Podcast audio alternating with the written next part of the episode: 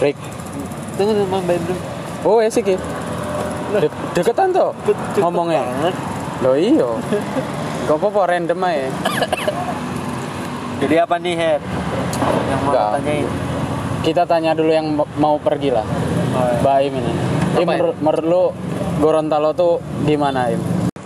yang menurut gue Gorontalo itu tempatnya makanan-makanan enak loh makan masakannya banyak kan pakai rempah-rempah terus nggak tahu banyak banget gitu pakai rempah-rempah itu kayak apa ya kayak ayam bakar aja udah dibakar dikuahin lagi gitu apa Oh, sebutannya apa? Iloni. iya ayam bakar iloni gitu Oh, ha, ha, Nah, ha. terus juga gue pertama di sini gue makan ilabulo terus gue postingan di ini kan instastory Ah. ada teman gue ini ngomong im itu kayak tokai Kayak apa? kayak tokai kayak tahi dia emang bentuknya warnanya Iya kayak sih. coklat gitu ah, ha, ha, ha. Tapi Tapi enak tapi ya. enak sih lumayan Ah. Tapi gua gak terlalu suka sih labulo karena apa ya? Gak tahu aja sih rasanya gak cocok aja di lidah gua. Heeh. Tapi ya gua lihat sih kayaknya di sini tuh makanan tuh emang banyak, cuma kayak seafood semua. Heeh. Apa Seafood, ah, entah mungkin karena komoditas utamanya juga laut ya, mungkin karena dekat-dekat ke laut gitu kan. Jadi banyak banget seafood-seafood gitu. Ta- Heeh. Tapi problem gua sih makanan tuh kalau di Gorontalo adalah Gorontalo tuh suka makanan yang pedes-pedes. Iya. Gua pribadi gak suka makanan pedes.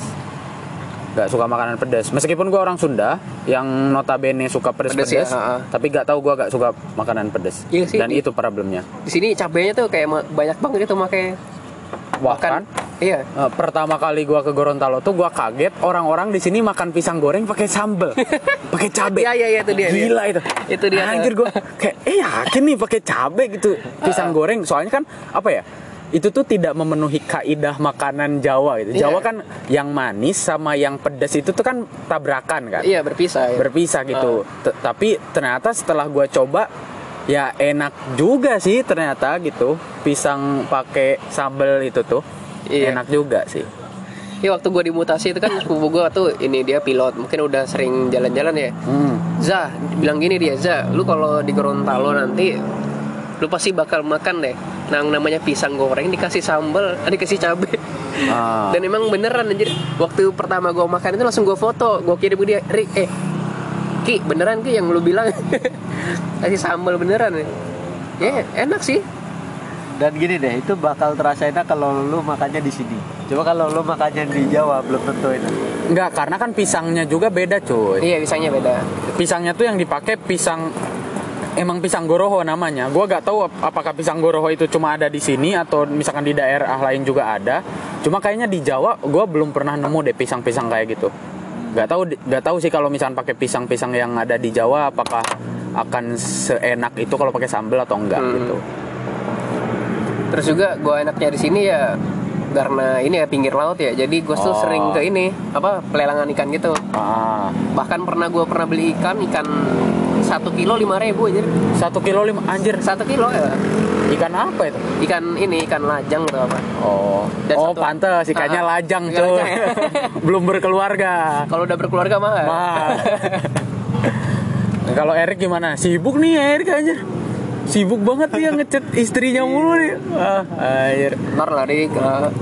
Soalnya genting ini calon gua. Oh iya, paham sih Rik, paham sih Rik kita. Paham. Terus gue bawa duit lima puluh ribu ke pelelangan itu kayak bisa ngasih makan seluruh anak kos gitu. Hmm. Anak kos gue tuh ada kayak berapa ya 10 orang. Jadi enak aja bakar-bakar situ nanti Ah. ya modal lima puluh ribu. Oh, gitu. Oh, sensor tangan ya? Iya. Tapi maksudnya gini, Eh, hal yang akan selalu lo ingat itu dari Gorontalo tuh kan kemungkinan lu untuk balik lagi ke Gorontalo itu tuh sangat kecil gitu kan, Ah. sangat kecil gitu. Kecuali emang lo dipindahin lagi sama perusahaan lo ke sini. Hal yang akan lu selalu ingat dari Gorontalo tuh apa itu? Nah, iya tadi selain yang apa? Gue motor bangsat. Selain apa? Yang pisang gorengnya dikasih sambel, Hmm. Lo tuh bakal inget terus sama ini loh apa? Gorontalo ini panas banget cuy. Oh iya sih gila, gila Kalau dari cuaca panas banget. panas sih. banget. Kalau gua di kalau bandingin Jakarta, wah lebih panas sih Gorontalo tuh. Karena Gorontalo tuh panasnya tuh tapi ya untungnya tuh Gorontalo tuh panasnya panas ini loh, panas apa ya? Panas natural gitu matahari gitu. Ah. Kalau Jakarta kan kayaknya panasnya tuh kayak panas entah apalah polusi atau pantulan dari gedung-gedung entahlah itu yang nggak enak banget kalau itu sih. Iya sih. Ah. kayak nggak bisa kalau bawa mobil siang-siang nggak pakai AC itu wah Ah. mati udah di dalam mobil gila. Bahkan aja apa apa kayak apa? Orang-orang sini nyebutnya kan cuaca Gorontalo ada dua cuman. Iya. Kalau nggak panas ya panas banget. Nah, itu tuh kayak apa ya? Kayak candaan wajibnya orang Gorontalo itu. Gorontalo tuh musimnya cuma dua kalau gak panas-panas banget. Ah. Setiap orang gitu ceritanya itu lu air kalau ketemu awal-awal ke sini kayak gitu. Udah defaultnya itu aja. Ah, terus gua dulu kalau tiap siang-siang itu kalau habis makan siang gua tuh sering banget kalau kan panas banget tuh Ah. Oh tuh beli ini es kelapa muda es kelapa mudanya dikasih itu kayak gula merah gitu Oh ya gula merah. Ah, ah. Ah. ya not bad sih gitu selain dari apa es jeruk sama ini Hmm. nutrisari yang enak banget Hmm, ya itu dia sih Eh Nutrisari dong, enak dong Nutrisari. Oh. Tapi ini coy, Gorontalo tuh satu lagi yang gua takjub dengan Gorontalo adalah Gorontalo tuh, tuh apa aman coy. oh iya itu dia juga sangat aman. Kayak gua gak tahu ya orang kayaknya naruh motor tengah malam di pinggir jalan juga kayaknya gak bakalan ada yang ngambil deh. Aman aja gitu maksudnya tentram gitu. Bahkan Kayak- kuncinya ditaruh aja nggak hilang ya Nah kayaknya gua belum pernah nyoba sih dan gak mau nyoba sih, gak mau nyoba sih gua. Tapi yang pasti sih Gorontalo aman sih maksudnya. Kayak pencurian itu tuh kayak gua belum pernah denger anjir ada berita pencurian gitu di Gorontalo gitu kayak belum pernah denger sih. Ah, ah, ah. ya tapi yang banyaknya ini ya nggak kunci stang ya kan motor-motornya nggak nggak kunci stang nggak pernah kunci stang Ya. dan aman-aman aja kan Sama ini cuy Gorontalo tuh bentor cuy. iya bentor Bentor. Bentor itu is never die never die. Ya meskipun terlepas dari cara orang-orang yang bawa bentornya itu yang agak sedikit barbar, tapi ya unik sih itu. Karena gue pertama kali nyampe sini ya, nyampe Gorontalo tuh, gue pesen Gojek. Gue pesen Guys, Gojek. guys. yang udah bisa diangkat Oh, iya boleh boleh ini gelasnya enggak. Tutup jam setengah 12. Oke, setengah 12. Oke, 10 menit 10 lagi, menit guys. lagi lah. Ya. Lanjut ya. Kayak anjir gue ngomong apa sih tadi? ini yang apa Bentor. bentor-bentor Oh unik-unik kan? bentor. Gue pertama kali ke sini tuh gue pesen Gojek. Gue baru tahu Gojek di sini tuh ternyata yang datang tuh bukan bukan motor, tapi bentor. Ternyata kan Gojek di sini tuh bentor, kalau Grab baru motor. Dan itu yang gue takut. Dan gue tuh dulu awal-awal ke sini tuh gue agak sedikit ketipu sih sama orang bentor. Jadi gue bilang kayak gini ke abang bentornya tuh bang, saya kasih 20.000 ribu, ajak saya keliling kota Gorontalo. Liatin saya misalnya kayak tempat ramai, tempat makan. Dan si abangnya tuh mau dan gue tuh merasa waktu itu tuh kayak anjir jauh juga nih diajak keliling. Tapi karena udah tahu area Gorontalo gue baru nyadar kalau ternyata anjir gue cuma dibawa muter-muter mall doang. Kayak dibawa muter mall doang dan kayak anjir ternyata terlalu mahal ngasih dua puluh ribu. 20.000. iya. Tapi asik sih maksudnya pengalaman pertama naik bentor tuh asik lah gitu. Sampai kan gue upload instastory teman-teman gue pada nanya gitu anjir unik gitu kan. Kayak beca tapi ke motor gue gak tahu sih di area lain ada yang Ah. kayak gini atau enggak gitu. Oh, jadi pertama kali ya kalian lihat bentar di sini. Nah, kalau gue udah ini sih pernah di Palembang di ada di Sumatera Selatan oh gitu. Sumatera ya setahu gue sih di daerah Sumatera Sumatera tapi Selatan dia tuh motornya tuh di sebelah kanan di samping becanya itu loh oh jadi Ah. kayak Vespa yang ada Iya, sampingnya yang ada ini, ya. Ah. tapi oh gue baru tahu tapi bentornya nih motornya di belakang di Gorontalo sih baru gue tahu sih Hmm, hmm, hmm, hmm. tapi emang nggak banyak sih tem Iya, Ah. Kalau Erik gimana nih Erik? Ah, sibuk mulu lo Erik ah. Oke oke deh. Mumpung belum dibalas lagi nih. Nah iya, sebelum bini lo balas, Rik, balas dulu jawaban gue, eh, Iya, iya. pertanyaan gue, Rik. Ya menurut lu Gorontalo kayak gimana, Rik? yang masih teringat sampai sekarang gitu Nah, jadi mem kalau menurut gue sih ya memang ya eh, nggak sebagus yang di namanya, tapi salah satu yang uniknya Gorontalo eh, dia bikin gue nyaman di sini sebenarnya. Mulai dari kebiasaan-kebiasaan orangnya, keseharian-kesehariannya. Eh, apa ya nggak kita nggak begitu terlalu pusing di sini sebenarnya ya. Ah, dibanding untuk area lainnya Oh, kita iya. punya beban berat tapi kalau di sini tuh eh, untuk kalian yang terutama mungkin yang belum nikah ya ya bisa dibilang nyaman Iya iya. ha. Emang sih Gorontalo tuh mobilitasnya belum terlalu apa ya? Kota tapi mobilitasnya kayak masih santai. Dan ini kan cuy, di sini tuh ada adat orang-orang tidur siang kan. Iya, tidur siangnya tuh. Tidur iya. siangnya itu wah parah sih. Kalau kita nggak bisa ikut kontrol kayak misalkan udah fix tuh siang-siang kita tuh bisa bisa bisa jadi gak produktif itu. Karena kebiasaan kan orang jam 12 tidur bangun-bangun kayak jam 3 jam 4 gitu. Iya, habis asar setengah empat jam Ah. empat lah, ya gitu. Apalagi kalau kayak orang-orang kayak kita nih, sales-sales gini kan. Aduh, mau kunjungan siang ke Godaan. outlet Godaan. kan susah. Pertama toko-tokonya tutup, Ah, semoga ganti motor besok. Keluar, keluar. ya maksudnya kayak gitu, mau kunjungan ke outlet, outletnya tutup-tutup, terus kayak jadi godaan juga sih buat kitanya buat ikutan tidur siang juga gitu. ya budaya sini ya. Orang teman gua tuh yang dari Medan ya. Ya. Pernah ke sini dia menyebutnya 14 Im masih 14 Im Gorontalo Woi masih pak Satu empat maksudnya? Istirahat jam 1 masuk jam 4 Oh iya. Kalau di iya. sana di luar sini Hmm. dan dan gua nggak tahu sih makanya itu gua bilang kayak Gorontalo tuh sangat apa ya sangat nyaman somehow karena ya itu maksudnya orang-orangnya juga kayak gua lihat tuh kayak chill gitu santai gitu Heeh. orang-orangnya tuh kayak gua nggak tahu sih kayaknya nggak nggak banyak pikiran gitu orang itu kayak betah gitu tinggal di sini karena saking sampai saking santainya Gorontalo kan malam minggunya dua kali Ya hari Rabu ya malam Kamis Iya malam Kamis sama malam Minggu. Kamis sama malam Minggu. Makanya gue tuh pertama kali ke sini orang-orang kantor pada nanya gini, Pak malam Kamisan ke mana? Hah malam Kamis? Ya di kos aja gitu. Lah nggak malam Kamisan? Nah maksudnya apa? Lah kan di sini malam Kamis rame katanya. Malam Kamis. Kayak malam Minggu. Ternyata emang bener malam Kamis gila kayak malam Minggu di sini. Dua kali Ramenya. gitu ya? Dua kali malam Minggunya. Saking santainya or- orang-orang sini. Santuy Iya asik sih tapi. Ah, ini, Terus Gorontalo ini gue juga lihat sih banyak ini ya apa banyak festival banyak Oh. budaya-budayanya masih tinggi lah gitu Ya masih kental, masih kental. Ah. Terakhir gua juga ikut festival yang ini, Karawo. Yang Iya. festival Karawo itu tuh ada apa pameran-pameran pakai busana-busana dari berbagai macam daerah di Sulawesi. Ah, Itu asik sih, itu asik sih. Asik sih untuk dilihat sih. terus yang apa festival makanan itu apa ya kemarin itu ya Yang di stadion.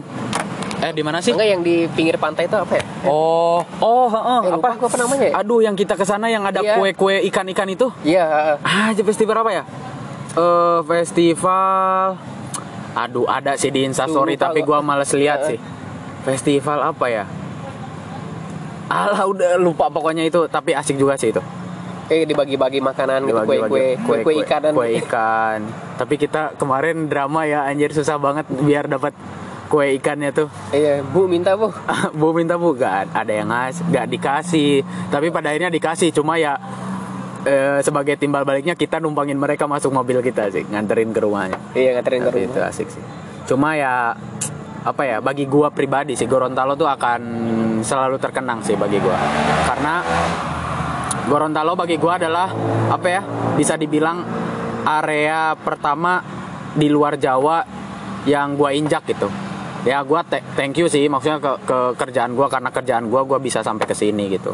Dan maksudnya pertama gua keluar Jawa langsung ke sini langsung ke Gorontalo. Dan ya awal-awal sih problem ya pasti tetap problem adaptasi lah dengan Oh. orang-orangnya terutama bahasa gitu kan. Tapi maksudnya asik-asik sih orangnya tuh maksudnya eh ya yang asik ada yang nggak asik juga ada. Cuma mostly asik-asik lah gitu. Asik-asik jos. Nggak terlalu barbar lah gitu. Heeh. Gorontalo ya ya biasa kan kalau bisa abis baru pindah kan gitu ya adaptasi agak gitu. Hmm. ya gue sih yang kemarin kayak ngambil santainya aja gitu bikin enjoynya kayak jalan-jalan ke pantai gitu ya enaknya. Karena deket juga ya dari Ah, sini ke deket. pantai deket. Kayak berapa menit sih kayak ke Kurenai aja kayak itu 15 berapa menitan gitu. Eh, 15 menitan ya? Eh apa sih waktu kita bakar-bakar ikan tuh pantai apa? Iya Kurenai Kurenai ya? Heeh. nggak nggak terlalu bagus sih pantainya maksudnya biasa aja gitu. Cuma ya untuk akhir untuk akhir minggu gitu kan untuk jalan-jalan eh, akhir pekan gitu di weekend asik lah lumayan bakar-bakar ikan pinggir pantai gitu kan. Duduk-duduk gitu. duduk-duduk. Maksudnya dan ombaknya juga gak terlalu barbar kan. Heeh. Tapi kemarin sih gua baru lihat di pantai apa iya tuh? katanya di pantai. Bototono, Oh, iya Wah, gila sih itu ada yang keseret katanya.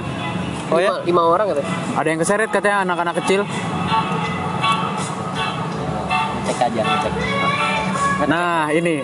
Dan lagi ini nih Ini kita nih. bahas nih. Di sini Bentor. tuh bentor-bentor ini pakai sound sound sistemnya buset kenceng bet anjir.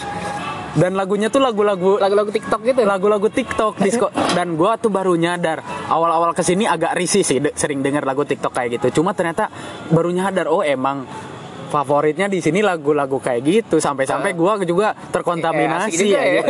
gitu. sampai gua nyadar juga ternyata emang asik juga sih lagunya gitu. Apalagi di sini kan biasanya orang nyetel lagu-lagu gitu di depan toko yang udah tutup sambil pada mabok cap tikus gitu kan. Wah itu enak tikus sih. ya. oh ya btw cap tikus itu adalah minuman khas dari ini ya? Dari Sulawesi Utara ya? iya dari Ah, Manado sih sebenarnya. Cuma di Gorontalo juga banyak gitu. Rasanya tuh ya mirip-mirip vodka gitu lah cuma lebih lebih kenceng sih. Ah lebih panas sih parah gitu. Kalau gue belum pernah sih nyicip gitu. Cap cicip tikus. lah sebelum besok balik ri. At im cicip lah. Jadi biar bisa nyeritain. Enggak sih tapi wah panas banget. Panas banget. Terus terus gimana im? Lu besok ning lu besok ninggalin Gorontalo sedih gak im? Ya kalau ininya sih sedih sih. Nah, sedihnya karena apa im sedih jarang lagi ketemu pantai-pantai yang bagus gini kan ya Atau juga sering explore explore gitu kayak ke arah apa ke arah arah Manado gitu kan Ah. yang pantainya sih bagus-bagus bener nih Mhm. dan gue tuh kayak orang norak banget loh waktu nyampe sini kayak nggak pernah lihat pantai gue lihat pantainya udah seneng-seneng banget waktu itu oh, Ah, ah. ah, ah, ah. kalau di Cirebon sana kan Pantura kan coklat-coklat airnya iya iya nggak nggak ini katanya air. makanya di sini di sini tuh pantai tuh airnya tuh masih bersih bersih Ah, ah. buat berenang tuh sangat enak lah karena masih benar-benar bersih. Cuma paling paling sih PR-nya sih sampahnya sih masih banyak sih Iya, sampahnya. tapi gua gak tahu ya lu coba deh maksudnya kita di daerah kota di sini jarang banget anjir lihat ini tong sampah. Gua gak tahu sih asumsi gua tuh antara dua antara pertama emang orang Gorontalo-nya itu emang udah sadar akan buang sampah tuh harus pada tempatnya jadi gak banyak tong sampah gitu di pinggir-pinggir jalan atau emang misalkan pemerintahnya nih yang belum maksimal buat menyediakan tempat sampah gitu di setiap pojok jalan atau alun-alun gitu Ah, eh masih memang kalau dia kayak tempat-tempat ramai ya masih memang sedikit sih. Kayaknya dari pemerintahnya lagi sih. Masyarakatnya juga masih kurang. Iya. Tapi ya perlu ditingkatin aja lagi. Iya sih, ya Buat Gorontalo sendiri kan lebih Iya. bagus gitu. plus minus sih, plus minus itu. Ah, ah. Ya, ya udahlah. Oke, Sampai sini aja lah. Udah jam 11 dan liatin masnya kita Tiga. Iya, udah 30. diliatin nih. Suruh pulang. suruh pulang ya udah Im kalau gitu sukses di area baru Im di Cirebon di Oke, ah. Majalengka.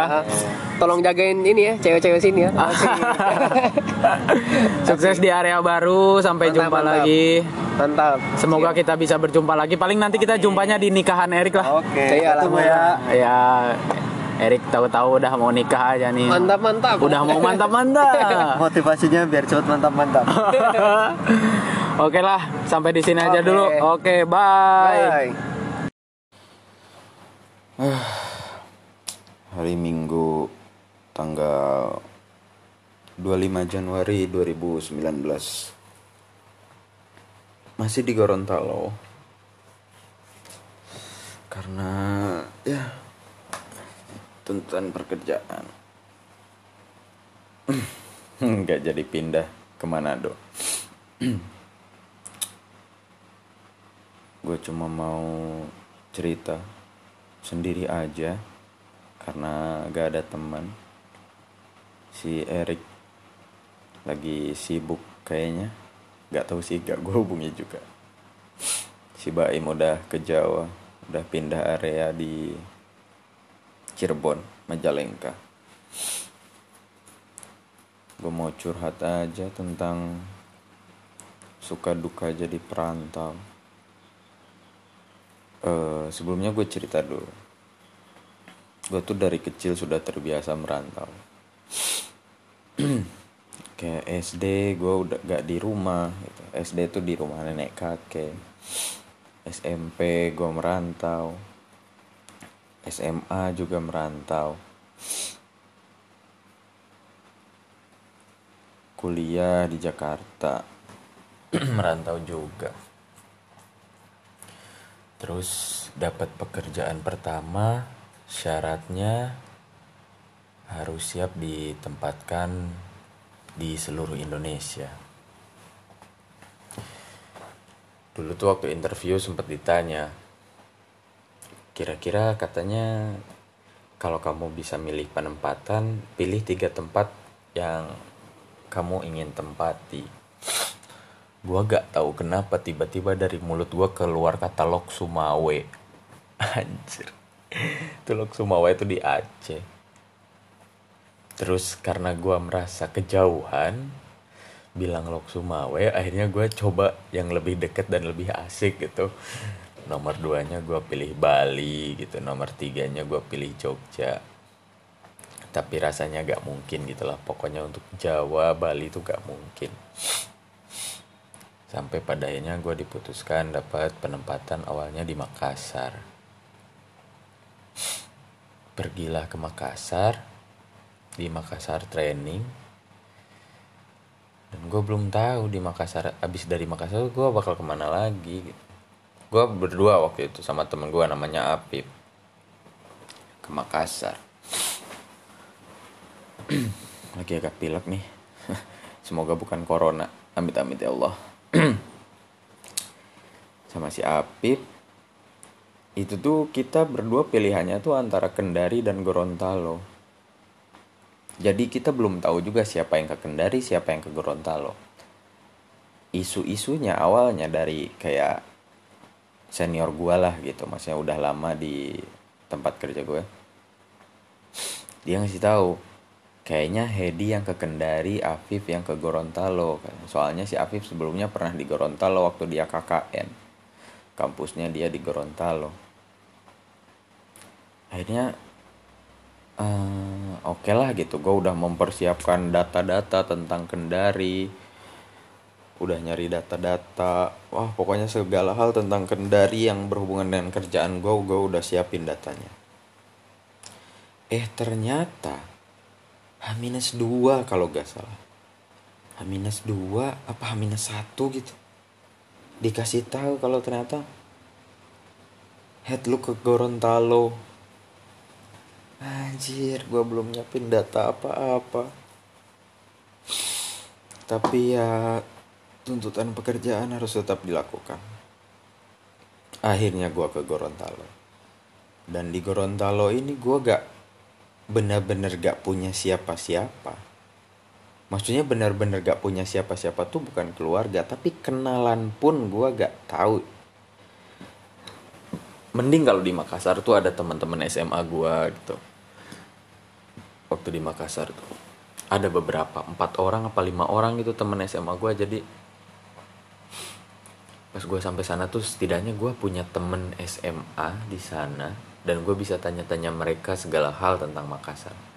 Dan maksudnya di Makassar kan ada teman-teman kerja juga yang dari perusahaan yang sama kan kantor pusat Sulawesi ada di sana. Tapi ke Gorontalo gue gak punya siapa-siapa bener-bener gak ada siapa-siapa.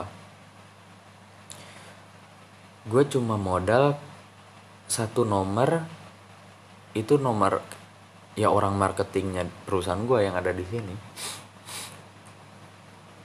Ya gue meminta tolong dia dari mulai jemput gue di bandara nyariin gue kosan. Cuma itu modal gue gue bener-bener gak punya teman gak punya siapa yang sebelumnya kenal. Ya makanya gue nyampe sini ya gue mulai membangun kehidupan pertemanan yang baru. Ya, gue dipertemukan dengan beberapa orang teman lah. Banyak-banyak teman, bukan hanya beberapa orang, tapi banyak. Mereka punya karakter masing-masing. Ya, secara lah, maksudnya secara culture kan, gue yang Sunda berbeda gitu sama mereka yang asli sini gitu sebenarnya yang mau gue bahas adalah bahwa apa ya gue pribadi tuh suka merantau orangnya sangat suka merantau. Pindah-pindah tempat tuh gue sangat suka lah. Karena gue orangnya males di rumah bukan males sama keluarga. Ya maksudnya karena gue berpikir kayak gini gue selalu gue gak tahu pernah baca buku apa ya. Pokoknya dia bilang di bukunya tuh pokoknya buku itu oh ini apa sih namanya lima menara kalau gak salah karya Ahmad Fuadi itu waktu gue baca waktu SMA kalau gak salah apa. Iya. Apa SMP ya? Lupa gue di buku itu tuh bilang katanya anak panah itu gak bakalan mengenai sasarannya kalau tidak dilepas dari induknya gitu. Terus ada juga yang bilang eh singa itu gak bakalan dapat mangsa kalau dia gak keluar dari sarangnya. Terus juga ada yang bilang air itu tuh air keruh itu tuh gak bakalan jernih kalau air itu gak mengalir gitu. Nah dari dari quote-quote itu tuh gue makin teryakinkan diri gue bahwa pilihan gue untuk merantau dari sejak kecil itu tuh adalah pilihan yang benar gitu. Karena gue yakin juga kalau misalnya gue cuma di rumah gue gak bakalan berkembang gitu. Bukan hanya secara otak ya, secara knowledge tapi ya secara pertemanan. Maksud gue temen gue bakal itu itu aja gitu. Pengalaman gue bakal di sana sana aja muter gitu di satu tempat. Makanya gue gak pernah nolak untuk merantau. Dan waktu pertama kali gue masuk ada syarat penempat harus siap ditempatkan di seluruh Indonesia. Gue gua gak berpikir dua kali gak gak bingung di sana. Beberapa orang mungkin bingung kan ada yang aduh gimana belum siap bla bla bla. Gue gak mikir. Gue langsung gas. Karena gue basically akan siap ditempatkan di mana-mana. nah, tapi ada satu resiko yang gue, maksudnya dan gue menyadari resiko itu. Resiko itu adalah ya gue akan bertemu dengan orang baru, akan akrab dengan mereka, dan gue suatu saat harus siap meninggalkan mereka. Dan gue paling cengeng kalau urusan itu. Gue paling susah dengan kata-kata berpisah. Ya meskipun itu hakikatnya harus seperti itu harus berpisah tapi gue paling gak bisa berpisah. Gimana ya? Aduh kayak apalagi kayak misalkan sekarang gue udah setahun di Gorontalo.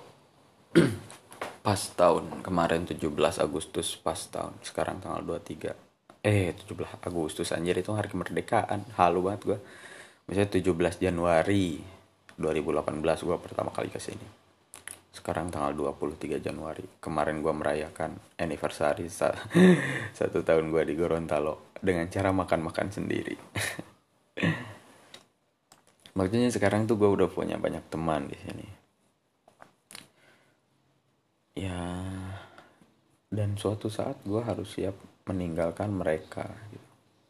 Gue udah kebayang sih, udah kebayang dari sekarang-sekarang kalau misalkan suatu saat gue dengan pekerjaan gue yang kayak gini ya, yang harus siap dipindahkan kapan pun, gue udah kebayang sih pas gue meninggalkan mereka tuh kayak gimana.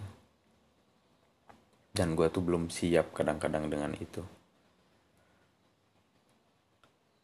Tapi ya hidup harus terus berlanjut. Pilihannya emang cuma gitu tuntutan kerjaan suatu saat gue harus meninggalkan mereka gitu. Berat sih. Kayak gimana ya? Kayak gue pertama kali ke sini gak punya siapa-siapa Gue membangun lagi pertemanan dengan orang-orang sini. Gue udah mulai nyaman dengan orang-orang sini Dan mereka juga udah mulai akrab dengan gue Gue udah menganggap mereka keluarga. Begitu juga mereka sebaliknya. Semoga ya. Terus kayak suatu saat harus berpisah gitu. Kayak harus bye guys sampai jumpa lagi. Masalahnya gini masalahnya gini. Ini ini ini Gorontalo gitu kalau misalnya gua penempatannya cuma Surabaya lah misal cuma Surabaya terus kayak eh oke lah berpisah gitu. Gue dipindahin lagi ke Jakarta misal. Kan maksudnya akses dari Jakarta ke Surabaya terbilang gampang ya. Maksudnya eh, tiket pesawat mungkin nggak terlalu mahal terus kereta banyak kalaupun kereta habis bisa naik bis gitu tapi kalau Gorontalo kan kayak apa ya kayak sebelum gue punya duit yang amat sangat banyak kemungkinan gue untuk ke Gorontalo lagi tuh hanya untuk sekedar main untuk ketemu teman-teman gue yang dulu gue kenal di sini tuh akan sangat tidak mungkin gitu. Sebelum gue punya duit yang banyak banget gitu yang kayak ngeluarin tiket harga 3 juta buat sekali jalan itu tuh kayak ngeluarin tai doang gitu. Kayak kemungkinan gue untuk pindah ke eh untuk datang ke sini lagi tuh kalau gue dipindahin ke area lain tuh itu sangat kecil gitu. Karena jauh gitu kan. Itu sih yang jadi problemnya. Kayak contohnya kayak gue dulu awal-awal ke sini tuh kenal sama satu orang yang kayak gue juga maksudnya pekerjaannya kayak gue dia penempatan juga di Gorontalo. Namanya Huda. Dia orang Lombok aslinya. Nah gua tuh awal-awal ke sini tuh sama dia terus. Karena maksudnya kebetulan karena kita satu nasib kan gitu. Nasib di perantauan penempatan kerja dari kantor gitu kan. Megang area yang sama bidangnya sama. Gue tuh sama dia terus makan malam sama dia terus main sama dia terus sharing tuh sama dia terus entah tentang apa pun sharingnya tapi lebih banyak tentang kerjaan sih. Karena maksudnya kita di bidang yang sama aja kebetulan gitu. Jadi kita obrolan tuh ya tentang hal-hal yang muter-muter di sana gitu. Gua sama dia terus sampai bulan apa ya? Dia tuh pindah tuh bulan Juli apa bulan Agustus ya? Lupa gua.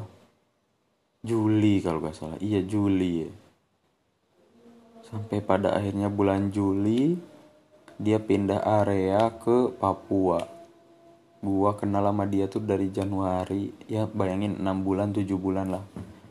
Gua hampir tiap malam sama dia terus gitu. Terus tiba-tiba kita harus pisah. Anjir waktu gua nganterin dia ke bandara tuh kayak duh bener-bener kayak pisah aja belum nih gue ya di mobil waktu nganterin dia ke bandara. Kayak udah kebayang rasa kangennya tuh bakal gimana gitu. Ya gue tahu gue cuma butuh waktu aja untuk ngilangin kangen itu. Iya tapi momennya waktu kita berpisah itu gitu loh. Jujur jujur aja jujur aja. Gue waktu di bandara terus dia masuk mau check in itu gue kayak yes sedikit bergelinang lah air mata karena karena karena ya kayak gitu. Maksudnya dia tuh orang Lombok dia orang Lombok dan gue tahu kemungkinan kita untuk bertemu lagi ini sangat kecil gitu loh. Karena dia orang jauh juga gitu. Kecuali kayak suatu saat gue mungkin liburan ke Lombok ya mungkin akan bertemu lagi sama dia.